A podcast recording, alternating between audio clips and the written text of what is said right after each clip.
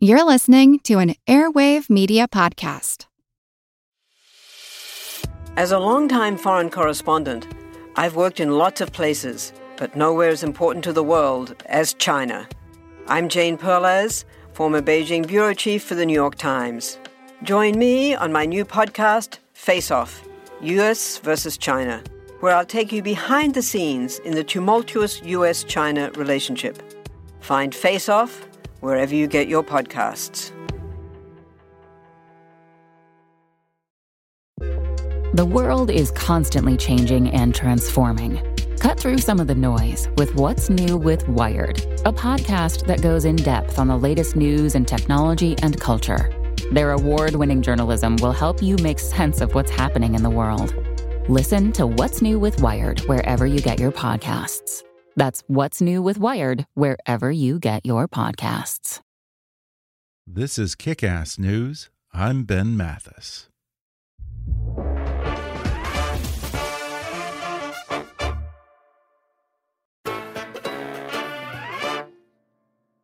From today's lens, it's hard for some to imagine the United States government tormenting anyone for just singing a song. Certainly not Strange Fruit, Billie Holiday's protest song against lynching. What crime could the United States government possibly find in amplifying the senseless killing of black people, black men specifically, for nothing more than the color of their skin? Why was an entity of the federal government outraged over a now classic American protest song with the lyric, Black bodies swinging in the southern breeze, strange fruit hanging from the poplar trees? The harsh truth is Jim Crow wasn't just in the South. Racism was all over the nation, and few knew that as well as Billie Holiday. Becoming the iconic Lady Day, beloved by black and white Americans for her talent, did not shield her. No amount of fame could save her from the punishment reserved for her refusal to stop singing Strange Fruit.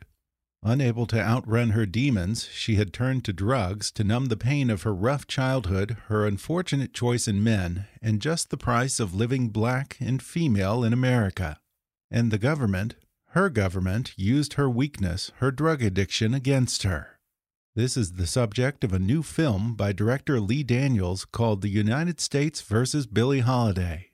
And today, Lee Daniels joins me on the podcast to talk about his fascination with Lady Day and how the 1971 film Lady Sings the Blues inspired him to go into the movies.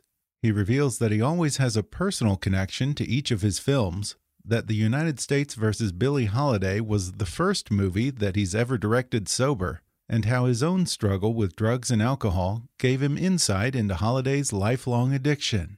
We discuss the famous song that put her in the FBI's crosshairs, the powerful drug agent who was intent on destroying her, and why Lee believes that she deserves a place among America's civil rights heroes. Plus, Lee talks about his upcoming miniseries about another famous black entertainer and civil rights leader, Sammy Davis Jr. Coming up with Academy Award nominee Lee Daniels in just a moment.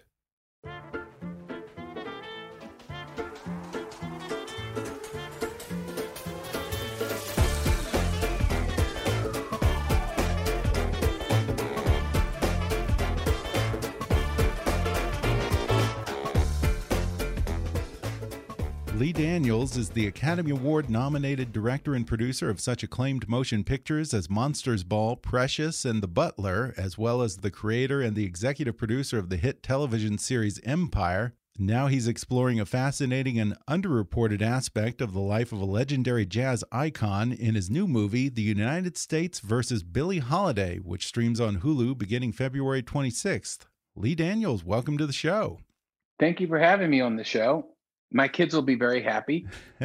I'm here. yeah, I can't believe it. They're probably they must be the youngest people that listen. I think they, I, something's wrong. Okay? How old are your kids? Twenty five. Oh, okay, okay. That's getting a little closer to my demo, I suppose. well, I loved this movie, Lee. Uh, it's a fantastic addition to your canon as a director and as a producer. Uh, I'm a longtime fan of Billie Holiday, so I was already kind of predisposed to love this film.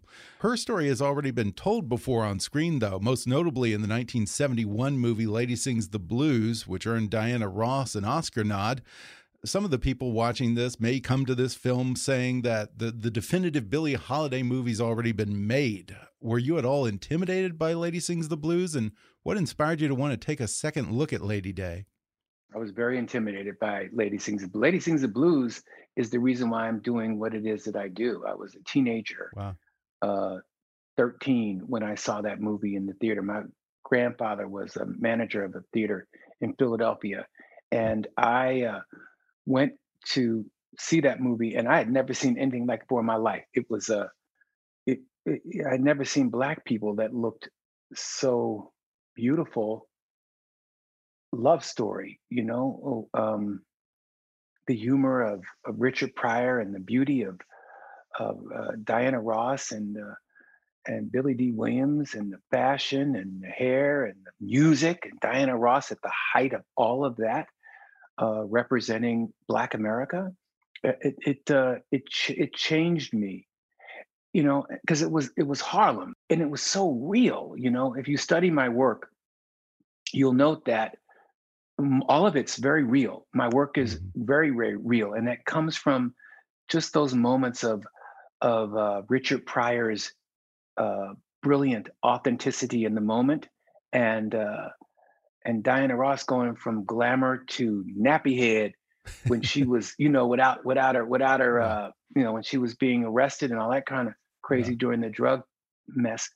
So yeah, it, it, um, I was nervous. I was so nervous. I called uh, Berry Gordy, who is, you know, creator of uh, the film, producer right. and Motown chief.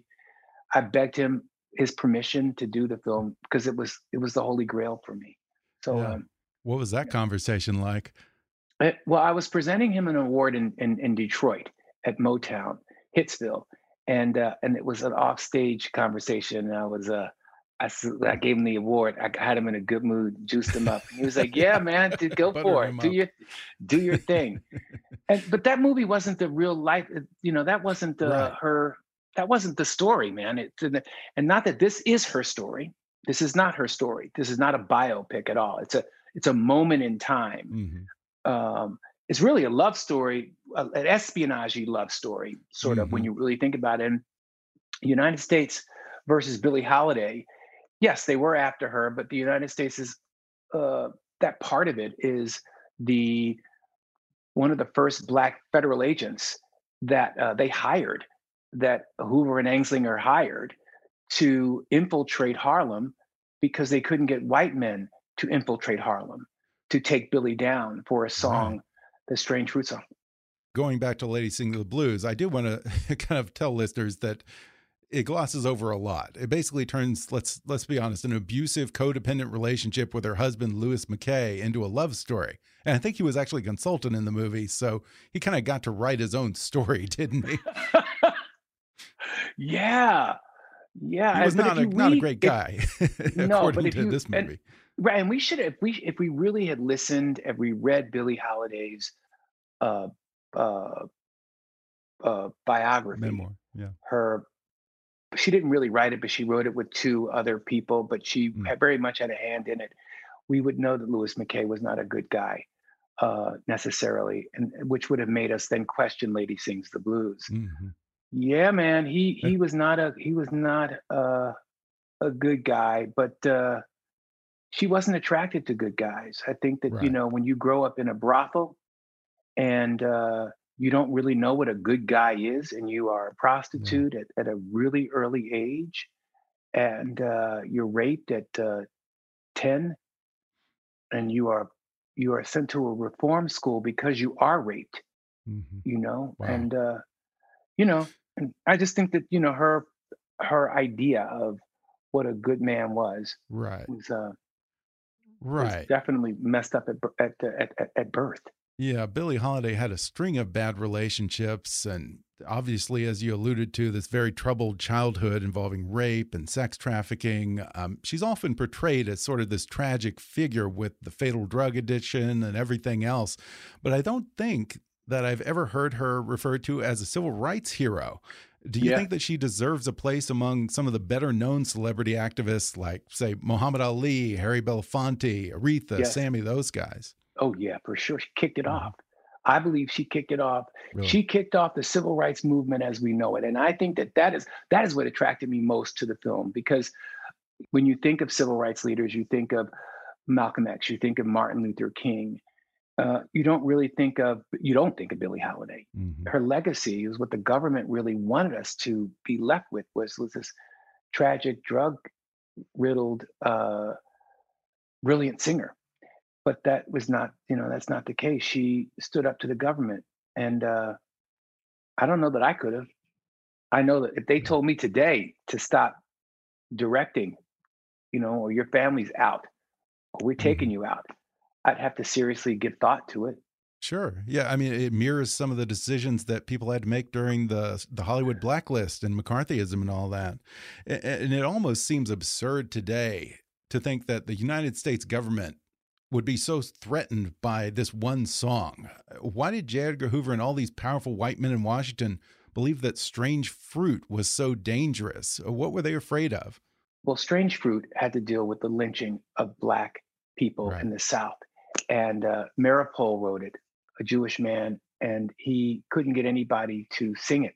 And so Billie took it on. And it was so powerful. Those words, I didn't even understand what those words meant when I watched Lady Sings the Blues. All these years, I didn't really mm-hmm. understand the significance of those words until I read the script, Suzan-Lori Parks' script. And that book was, by the way, based on Johann Hari's um, Chasing the Scream. I didn't understand what strange fruit meant. Even now, as I think of it, um, black bodies swinging from the southern trees, strange fruit hanging from the poplar trees she right. was an international star as a singer. Sure. And uh, and white people were catching on to the importance of what that song was about. Mm-hmm. It was okay for black people for her to sing to black audiences that song, but white people were standing up and doing realizing this shit is happening. This is real. And I think that that's what upset them uh, wow. the most. And I think that they wanted they had to stop her from reaching that audience to singing that song. Yeah. And um, and then you know right after that, many white people came up uh, to for, for, during the civil rights movement. A lot of it had to do with that yeah. song. You know, it was way before King and and everything. And um, yeah. I, I looked up the Wikipedia for the song Strange Fruit, and it mm -hmm. actually says that it's widely considered by many people to be the start of the civil rights movement. That song, not just the anthem of the movement, but the start of it. And J. Edgar Hoover, of course, had, had a well documented obsession with targeting civil rights leaders. But this movie specifically focuses on a subordinate of Hoover's, uh, Harry Anslinger, who essentially, I guess, started what is now the DEA. Uh, mm -hmm. and he ran it for 32 years. Very powerful guy under mm -hmm. several different presidents. Uh, what do you think motivated him? Well, according to to Johann's book, Chasing the Scream, he was a racist he had watched his neighbor die a bizarre death of an mm. OD. So he was obsessed with drugs. Wow. And so there was a combination of both of those things. And he really, he was, and Billie Holiday was the perfect target for him. And he could not believe that she would not stop singing the song. He asked her nicely in the beginning. Yeah. He, he thought he was doing the, the grand thing by, and she's like, she blew him off. And, uh, wow he just, so he really was obsessed with this song. It wasn't really about drug addiction or no, busting people about, for drugs. It was all about the way, like, why in the world did he care so much about this song? That's what I keep wondering. It's amazing. Yeah. Well, the effect that it had, it, it, it, was having an effect in the, also his, his, you know, he was in charge of um, prohibition and prohibition right. ended. And right. so when prohibition ended, he had to, he had to find, he, he shifted gears and mm-hmm. focused on the drugs. Okay, had to keep himself but employed, I guess. he had to keep the whole. He had to keep his yeah. whole. Um, wow. His whole posse employed. Yeah. Otherwise, they were closing it. Yeah. But um, but he really circled in on on on, on the song. Yeah, yeah, and apparently he targeted not just Billie Holiday; she's probably the most prominent one, but a number of jazz musicians, and specifically black jazz musicians like Charlie Parker and Miles Davis. And uh, I, I, think he was also Miles, the one. Really, What's that? Yeah, yeah, yeah. I, I looked him up. Wow. Apparently, he he went after a number of jazz musicians for either marijuana or heroin or whatever. And he's also kind of the person who created the whole reefer madness myth back in the yeah, 50s I heard, and 40s. I heard about that. And Yeah. look, and he also Amazing. helped. He helped Judy Garland when she was having her problem. Like Really? he, he, Huh. yeah, he took her to a home and made sure that she was looked after properly. That's interesting. Well, that's very different treatment than Lady Day got. well, Anslinger hired this young black agent named Jimmy Fletcher, who you mentioned earlier, to Mhm. infiltrate Billie Holiday's circle, uh, going undercover and basically entrapping her. But their Mhm. relationship has a very unexpected arc It's it. crazy. It's Um, really- is that all true? Yeah, it's all true. Hmm. I mean, the depth of that truth, I'm not sure, but we do know that they had an affair, and we do know that uh, he fell in love with her. Now, I don't know what happened. He, I don't think he was there as I have it. Not that I'm giving away my ending, the way I have it drawn out, but Right. I um, there was an affair, and I think that I think he understood that he was doing the wrong thing. Mhm. He went in with a job, and then he realized that uh, he was doing the wrong thing.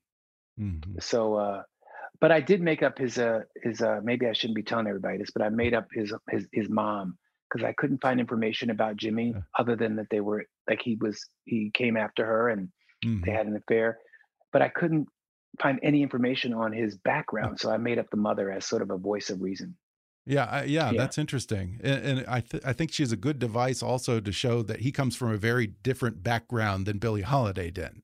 Yeah, Very different we don't see experience. we do not see black people that are wealthy at all, and it was really Right. important for me to show, Yeah. you know, that. Uh, And Mhm. so, uh, and also, she was a voice of reason too for Mhm. him. You know, who Definitely. you know, men sort of listen to that. I know I listened to my mom, and uh, and I felt that she also was um, she also was a supporter of Billie's because so so often it was written that uh, they were uh, black people were not so nice to her Mhm. in the press and such. So I really wanted to show that women were supportive of her. Mhm. Black women. And I will say this: uh, it, it wasn't just made up that she had a drug addiction. That- uh, She wasn't just being targeted without any evidence. Uh, she did actually struggle with addiction Mm. to heroin for many, many years, and you know, in those days, we addressed it very differently. Yes. And I think that I I mean, look at when you look at the environment that she was in, her she was finding the cure for the pain that she was in, Mhm. that she Yeah. could she couldn't escape. And that was that was she was trying to find a cure. People oftentimes look at uh, drug addicts as the as problemed people and as you know it's a Right. negative connotation as opposed to looking at people that are just trying to find a, a cure for the pain that they're in. Mhm. Well, I was interested to read in a recent interview that you say this was the first movie that you have directed without the influence of drug or alcohol. Uh, do you think that your own experience gave you a particular empathy or an insight into her own battle? Yeah, I don't I didn't know that I could do, you know, I was on drugs for many years up and through Precious and uh and then I stopped and then I was drinking and uh I didn't really uh, you know there's a thing that uh there's a shot at the end of every uh night when we're shooting a movie called The Martini Shot that Alfred Hitchcock made up. And uh it was because it was a rough day. You had that last shot, you have your Yeah. martini and there were no martinis on this set. there were no martinis. And um, going into production on a film is like going to war. It really requires every cell of your body working. I don't know. I didn't know how to. I didn't even know that I knew how to do it. You know, that martini's like a warm coat around you to protect you from the crazy that's going on Mhm. outside. yeah, And uh, I, it was really hard for me to do. I, I'm really proud of myself yeah, good. and you, I'm man. saying it to my other my other brothers out there struggling. You can do it too. absolutely. And it strikes me that there's a lot of aspects of Billie Holiday's life that probably parallel your own, not just the addiction, but she was a victim of horrific abuse as a child. You've talked openly about suffering physical abuse at the hands of your own Mhm. dad when you were young.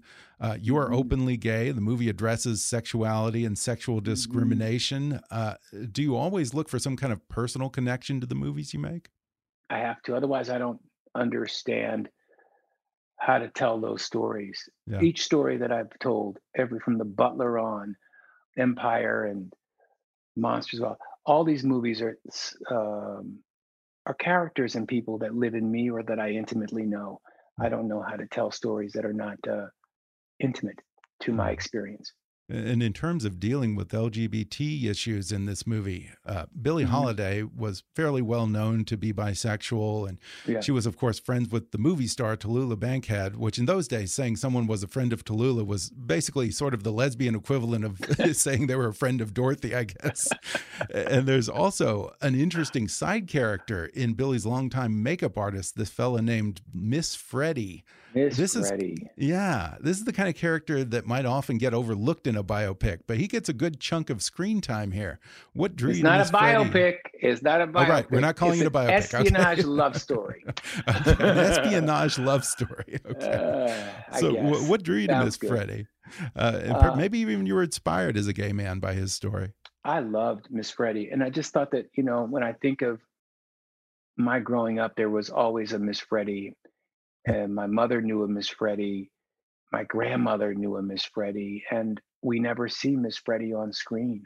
hmm we never see a Miss Freddie on screen. And I loved that Billie embraced, she didn't judge. She had all sorts of people around her. And and I wanted to give life to uh, and breath to this character that I just we've never seen before on screen.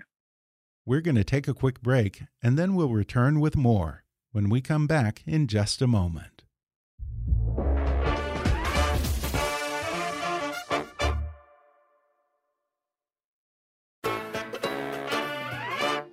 You chose the singer Andra Day for the role of Billie Holiday, and she Mhm. just does a brilliant job. But this was actually her first acting role. By all accounts, including hers, uh, Andra could not be more different than the woman she portrays in this movie. I know. Uh, she doesn't drink or do drugs, doesn't have sex, isn't wild, Yeah. doesn't even cuss, apparently. and then she met Lee Daniels. Yeah, you corrupted this poor girl. Poor thing. um, you look at Billie Holiday, you look at her, they're completely the opposite uh, people, and yet they are the same Mhm. in that they are Black women that understand uh, what it's like to be a Black woman and, and, and, and, and a singer. And uh, there was something spiritual about her I, I, that I saw when we sat down. And I sent her to an acting coach and I sent her to a vocal coach. And the acting coach sent me this, didn't unbeknownst to Andra, she videotaped Andra getting into uh, character as she was going to go to the audition for me. Huh. And uh, and I saw a metamorphosis. I saw Andra turn into Billie. And it wasn't, she hadn't spoken a word. She wasn't even, she hadn't even began uh, the scene yet. But the physical characteristics, the voice, the vacant look in her eye, I knew that that was God speaking. And I Really? knew I had to, yeah, I knew I had to hire her. I, I would be going against, uh, I would be going against the universe if I didn't hire her. wow, that's quite a quite a justification for your casting choices there for sure. She, I Yeah. thought she was just terrific. Apparently, I read that she lost thirty nine pounds for this role. That's incredible. Yeah. Wow, she did. That's some She Robert did. De Niro stuff right there. Since she wasn't an actor yet, I, I- you know, Mhm. she hadn't acted. I don't think she knew, and she didn't, you know, she gave it her all. So she didn't know that Yeah. she needed to, you know, well, when, what, what what happens after the movie. So I think she just committed. She committed, and she trusted Wow. me. She really, you know, oftentimes people, actors get burned because they're working sometimes with not so great directors that, uh, you know, they give their all, and then they see this badly, this edit that's sort of badly put together, and they're not so trusting the second time go round or the third time go round. yeah. But Andra trusted me, and it was, you know, we, we jumped off the cliff together for sure. It- yeah, yeah, it sounds like it. Again, just an incredible performance. I believe she got a, a nomination for a Golden Globe. In Golden fact, Globe nom, Yeah. yeah, man, and Wow, the song first time too. out. I'm Good really excited her. about that. how much of the attraction was that she is a singer? So you know, you don't have to do that usual thing where you have a movie star lip syncing someone else's voice. Well, outside of her being a phenomenal singer, she sang hmm. at the Academy Awards right before I hired her. I was thinking strongly about it. I'd seen that video, and then I saw her perform at the Academy Awards. I was like, nope, this is the girl. because she just like you know th- again that was God talking. Uh, the first thing we did was we used her voice in the pre-records before we began um, shooting. So before okay. before we even began shooting, we used her singing all of the songs, but she dropped into a place of Billie that I didn't even understand. So that and, and as we were learning and and as the script was evolving and as we were understanding our story that we were telling, the songs, each one of them took on a different meaning. Hmm. So what we initially um, pre-recorded, we knew we could do better. So oftentimes throughout many of the scenes, the singing scenes, she sang live. Like I believe she sang, yeah, she really? did sing uh, "Strange Fruit" live. Many of the songs she wow. sang live and on the spot because huh. it was so dramatically different from where we started. Wow. Yeah. I don't, I don't think a lot of people realize this, but usually when they see someone singing in a movie, it's an actor lip syncing to a pre recorded track just because there are so many variables that go into filming a person singing live. A lot of things can go wrong. What, what was the most daunting aspect of filming Andra singing live? The producers trying to chase me around with guns. because anything could go wrong. They were like, What are you doing?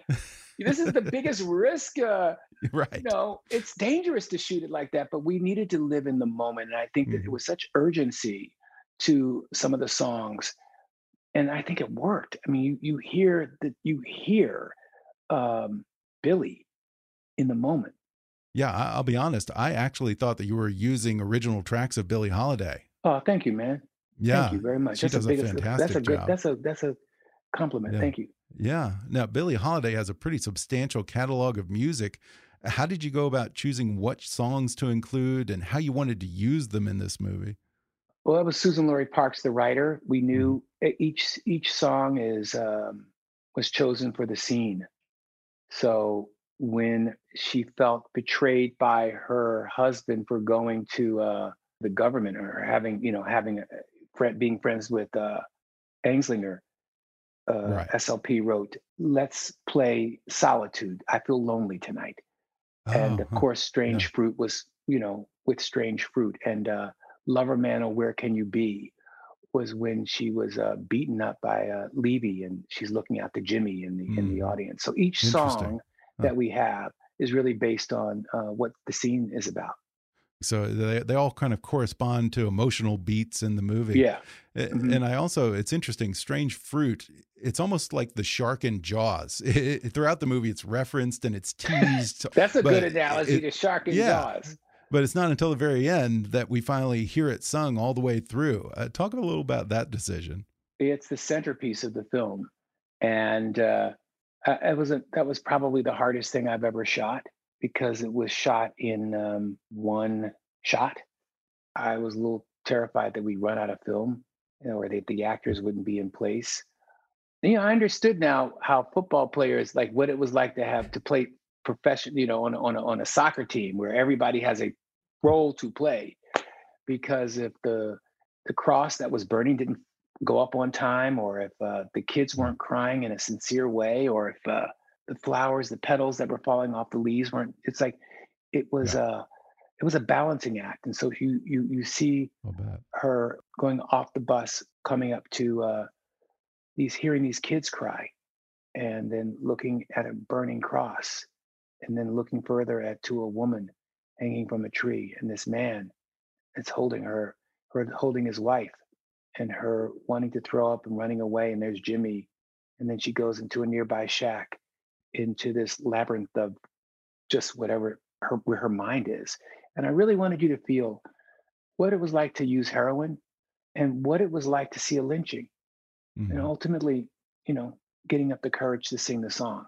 So that was a hard, that was a hard scene, man. That oh, was, bad. Yeah, I, I don't think I'll ever do that. I checked off that off, off my bucket list that one. yeah, but I, I, like what you did with that dream sequence because uh, I think that viewers needed to have that visceral experience of witnessing a lynching in order to truly appreciate the power of those lyrics. Yeah, man. We were crying throughout throughout it. There were really? we shot it. There were three uh, takes that we used, and we ended up using the first one because we were, everyone was so emotional in the first one, and uh, those lyrics are still haunting me yeah. to this day. Yeah, I don't watch my movies. I, after I finish them, I, I no, No I don't watch any of them. I, I see Really? them. yeah, it's a wrap. After I, um, I caught a little bit of the Butler. It's on a Netflix, Yeah. and uh, something I got the heebies and turned it off like right in the beginning of the movie.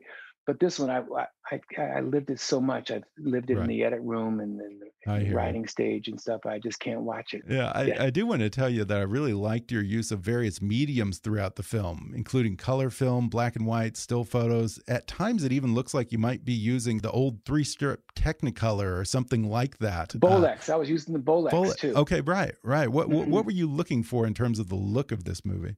uh, you know, I couldn't afford to go outside. It started from uh, just a financial, not having enough money.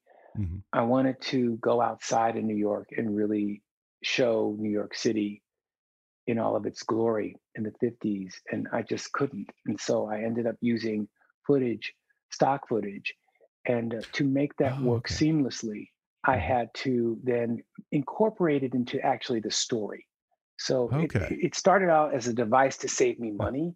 And then I had to, and then I said, this is this is sort of whack. I got to make this work as an in, in, in, make it a fabric of uh, the storytelling. So I Mhm. sort of dipped into. That's where that all came from. It came from not having any money. Interesting. Like so many other things. This out is of, what you know, happens when you're pushed filming into a- out of a- necessity. when yeah, a yeah. But I, I pushed into a corner and you got to figure it out. right.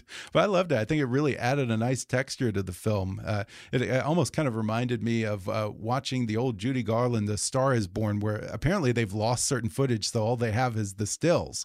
But it's kind of a neat thing. I love Judy. I love that. I love that movie. Oh, do you? Yeah, isn't it Mhm. terrific? Um, Yeah.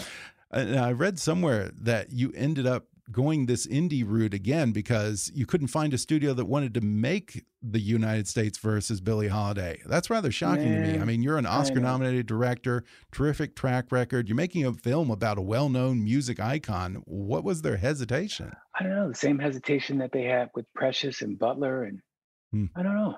I just think that, uh, you know, they wanted me to make the movie.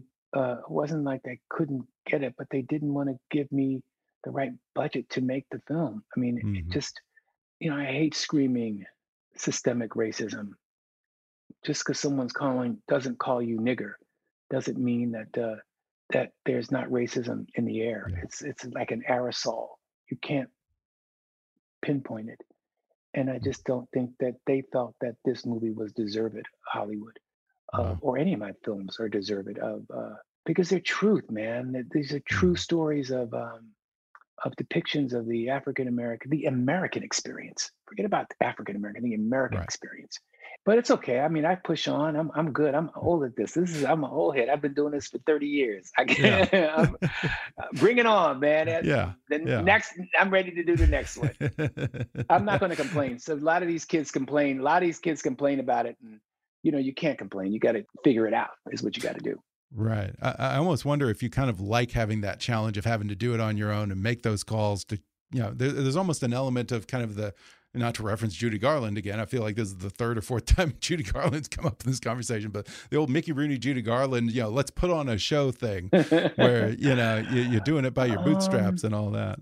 I mean, you know what? I found that the uh, what's refreshing is that you know there was a nice bidding war, and it's always been that way On the back end when the yeah. film is done. So Mhm. I always am. I always feel great that I'm not because it could be worse. Like you could Sure. you couldn't have a distributor. So I'm really happy to have Hulu Yeah. uh, at this, you know, behind us.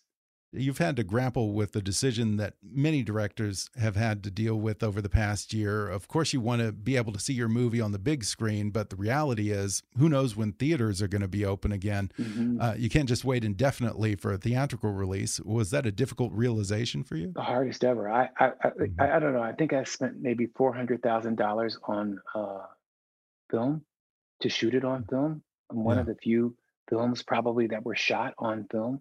I've shot all my movies on on film. Yeah, that's that's that's painful, man. Uh, you know, Yeah. we thought it was going to Paramount. We originally with Paramount, and uh, then then COVID hit, and uh, if I had known that, I would have definitely put that 350 or 400 into a into another scene or three. Right, that's a that's a quite a good chunk of money there. That's a chunk actually. of money, man. You could have used that, but I'm sure that you were you were eager to get it out with everything that's happened with the Black Lives Matter movement. We didn't do this. This is before George Floyd really? even hit the. This is I do what's in my spirit, you know. Mm -hmm. And when I did a Butler, it was uh, about uh, hope because uh, Obama was president. he was preaching that, and so it just made you feel mm -hmm. warm fuzzies at the end of the film. Yeah, you know.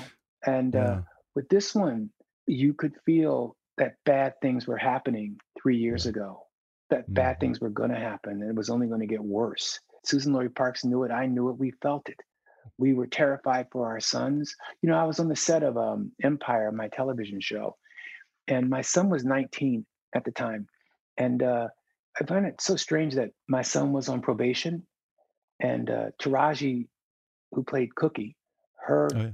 Son was on probation, and Terrence Howard, who's 19 also, and Terrence Howard's son, who played, uh, you know, Lucius, his son was on probation. These hmm. kids were 19 years old in three different parts of the country.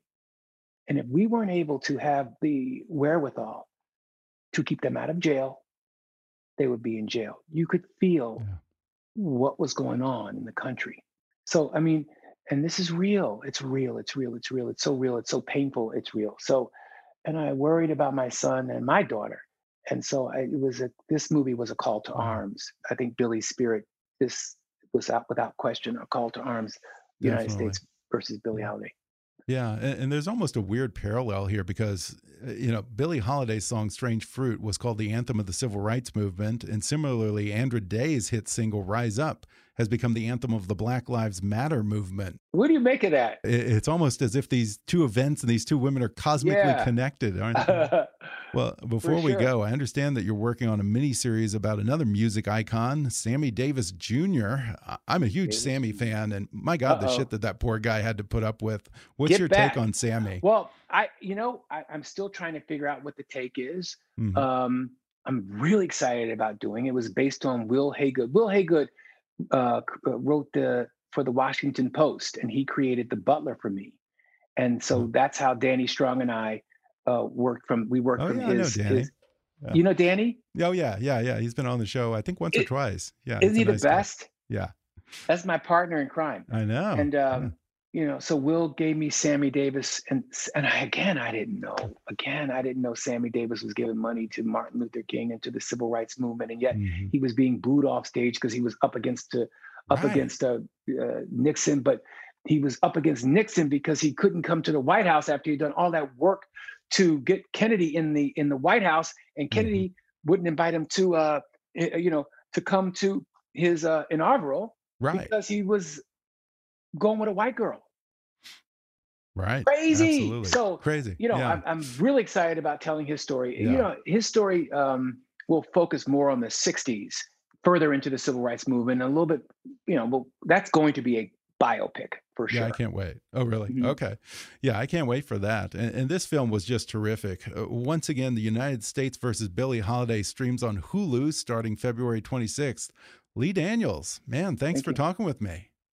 I'm coming back. Invite me okay. back. I'll come back and talk about whatever. And say hi to your kids.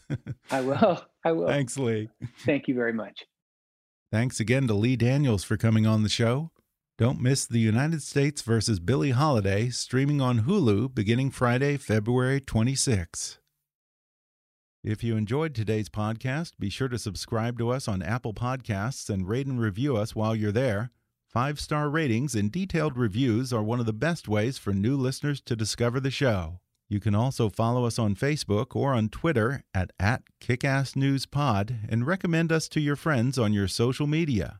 For more fun stuff, visit kickassnews.com, and I welcome your comments, questions, and suggestions at comments at kickassnews.com. For now, I'm Ben Mathis, and thanks for listening to Kickass News.